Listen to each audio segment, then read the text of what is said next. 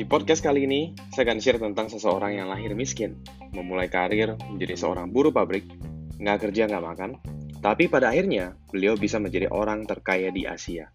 Beliau bisa menjadi kaya raya karena hebat dalam strategi pengelolaan keuangan. Dan strategi tersebut akan saya share di podcast kali ini, sehingga kita semua bisa langsung praktekkan ilmunya.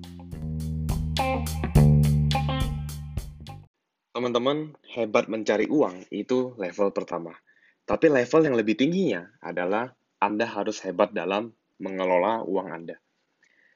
Kalau misalnya Anda pengen kurus, rajinlah berolahraga, maka Anda akan kurus.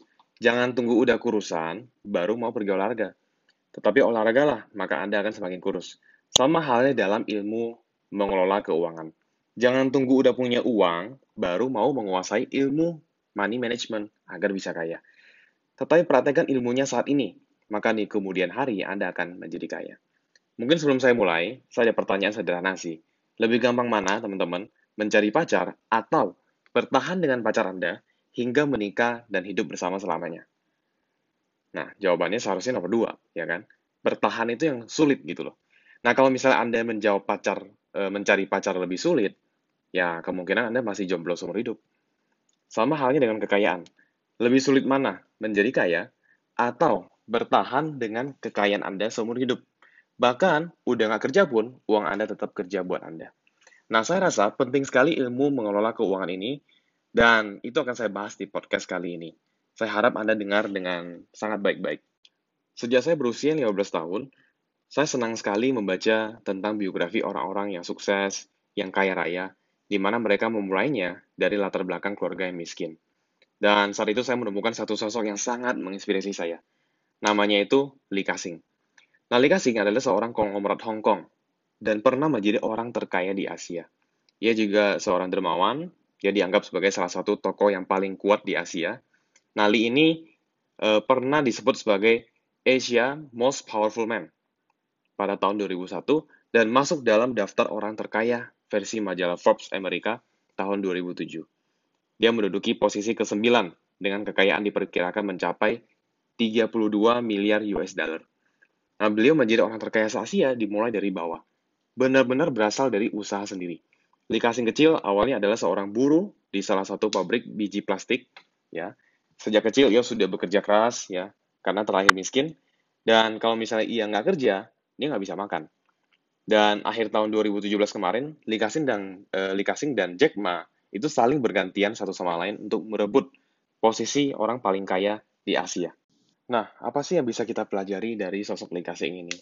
Li mengajarkan bahwa ketika kita menerima income, sudah kita terima nih income-nya, entah itu masuk ke rekening kita atau cash gitu ya, kita cepat-cepat income tersebut langsung kita pisah menjadi beberapa bagian. Jadi ada living expense, ada making friends, education, overseas holiday, dan investment. Nah, mari kita bahas satu-satu, teman-teman. Yang pertama, living expense. Bagian ini dapat digunakan sebagai kehidupan hidup sehari-hari, tapi secara sederhana. Jadi harus benar-benar bisa membedakan mana yang kebutuhan dan keinginan. Dan awalnya kita fokuslah terlebih dahulu kepada kebutuhan gitu ya. Jadi kalau misalnya memungkinkan sih, pakailah 30% hingga maksimal 50% untuk biaya hidup. Jadi kalau misalnya income-nya 10 juta, maksimal pakai 5 juta rupiah untuk biaya hidup. Tapi kalau misalnya income kita sudah naik, teman-teman, jadi 20 juta, pastikan biaya hidup kita tetap stay di 5 juta. Jadi jangan income naik, gaya hidup kita juga naik gitu. Nah, saya sendiri juga pernah melewati masa-masa ini, dan memang gaya hidup kayak gini itu terlihat miskin mungkin ya. Tetapi nggak apa-apa gitu. Karena kita memang memiliki tujuan yang jelas ke depannya. Kita punya tujuan jelas untuk menjadi seperti apa ke depannya. Jadi ingat, kita fokus untuk mendapatkan kesenangan jangka panjang, bukan kesenangan yang sifatnya jangka pendek doang gitu. Jadi fokus kita sungguh-sungguh menjadi kaya, bukan cuma terlihat kaya. Kita nggak mau dong cuma terlihat kaya, kita mau jadi sungguh-sungguh kaya. Jadi kalau bisa, di awal-awal fokuslah kepada kebutuhan dulu ya. Jadi singkirkan keinginan untuk sementara. Yang kedua, itu making friends. Bagian ini digunakan untuk membangun dan memperluas networking Anda. Memperluas jaringan pertemanan merupakan salah satu jalan untuk membuka akses untuk menuju kesuksesan di masa depan. Hal ini dapat membuat Anda lebih kenal oleh banyak orang. Nah, ini bisa mensisikan income kita minimal 10% untuk bagian ini. Jadi dengan 10% itu, teman-teman bisa mulai dengan mentraktir minimal 5 kali makan siang mewah. Nah, siapa sih yang sebaiknya untuk ditraktir? Ingatlah untuk selalu mentraktir makan siang kepada orang-orang yang lebih pandai dari Anda, atau bisa jadi memiliki wawasan yang lebih luas daripada Anda. Terakhir juga mereka yang lebih kaya dan orang-orang yang memberi kontribusi dalam berkarir. Pastikan lakukan ini setiap bulan, teman-teman, dan perhatikan hasilnya dalam waktu satu tahun. Lingkaran pertemanan Anda akan menghasilkan nilai yang luar biasa. Reputasi dan pengaruh itu akan meningkat di dalam network Anda. Jangan pelit untuk melakukan hal ini. Karena dari pengalaman saya, banyak keajaiban terjadi di atas meja makan. Coba deh, perhatikan sungguh-sungguh, dan Anda akan kaget sendiri di kemudian hari. Saya awalnya, ketika merantau ke Jakarta, saya nggak punya satu teman pun di Jakarta. Tetapi hari ini saya mengenal banyak orang yang berpengaruh, yang sukses, yang kaya raya di Jakarta gitu ya.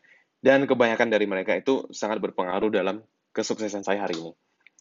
Dan itu terjadi karena saya mempraktekkan apa yang Lee Kasing ajarkan tentang making friends ini. Jadi saya harap teman-teman bisa praktekkan ini, pelajari ini, dan jadikan satu kebiasaan. Nah, yang ketiga, itu education. Bagian ini menurut saya adalah bagian yang penting banget anda harus menyisikan uang untuk belajar di bidang Anda agar pengetahuan dan wawasan itu bisa semakin luas. Justru karena kita tidak punya banyak uang di awal, kita harus banyak belajar dari orang-orang yang sudah sukses. Jangan karena tidak punya uang dan miskin, kita malah pelit untuk investasi pendidikan. Bisa jadi nanti kita miskin seumur hidup, teman-teman. Saya pribadi membaca buku minimal satu buku satu minggu, terus minimal saya ikut enam seminar atau workshop per tahun. Why? Karena uh, hidup kita ini adalah cerminan dari keputusan kita. Tetapi keputusan kita itu berdasarkan kapasitas dari pengetahuan kita. Saya tidak mungkin bisa menjadi siapa saya hari ini kalau saya selama ini nggak banyak baca buku dan banyak ikut seminar. Tapi saya yakin, saya juga yakin, pasti sukses besar, walaupun nggak perlu baca buku dan ikut seminar. Tapi mungkin suksesnya itu usia 30-an tahun, atau bahkan 40-an tahun. Bukan sukses di usia muda. Nah, cara tercepat untuk sukses itu adalah belajar dari orang yang udah sukses, yang udah punya peta jalan suksesnya. Nah, kita tinggal ikutin aja. Walaupun mungkin memang ada biaya yang harus kita keluarkan untuk beli buku, ya kan? Harus komitmen kita baca juga. Terus ada biaya untuk mengikuti workshop. Nggak masalah, teman-teman. Percaya deh, itu akan menjadi salah satu investasi terbaik Anda. Sekali lagi, selalu untuk fokus untuk belajar, sisihkan biaya pendidikan, karena anda akan mempunyai pengetahuan dan skill baru yang bisa Anda pakai untuk seumur hidup. Yang keempat ini, overseas holiday. Yes, berlibur juga sangat penting untuk Anda. Rencanakanlah liburan Anda itu minimal satu kali dalam satu tahun. Dan untuk ke luar negeri gitu ya. Liburan akan memberi Anda energi baru untuk bertumbuh besar dari pengalaman hidup. Jadi, kalau bisa sih pelajari tips untuk menghemat biaya liburan, terus tinggal di penginapan murah, tapi tanpa kehilangan kesan dan keceriaan. Jika Anda sudah menerapkan money management ini, Anda tidak akan merasa bersalah kok kalau misalnya untuk mengeluarkan uang untuk liburan. Karena memang sudah Anda alokasikan sejak awal. Dan uang ini khusus Anda habiskan untuk liburan ke luar negeri. Nah, yang terakhir, kelima, itu adalah tentang investment. Sisihkan minimal 10% untuk investasi. Sebenarnya sih lebih besar lebih baik. Cuma untuk belajar komitmen di awal itu bisa start dengan 10%. Nah, kalau udah kebiasaan nih, udah komit, itu bisa ditingkatkan 30% atau bahkan 50%. Itu justru jauh lebih baik. Nah, untuk yang bagian investasi, mungkin saya akan bahas di podcast selanjutnya.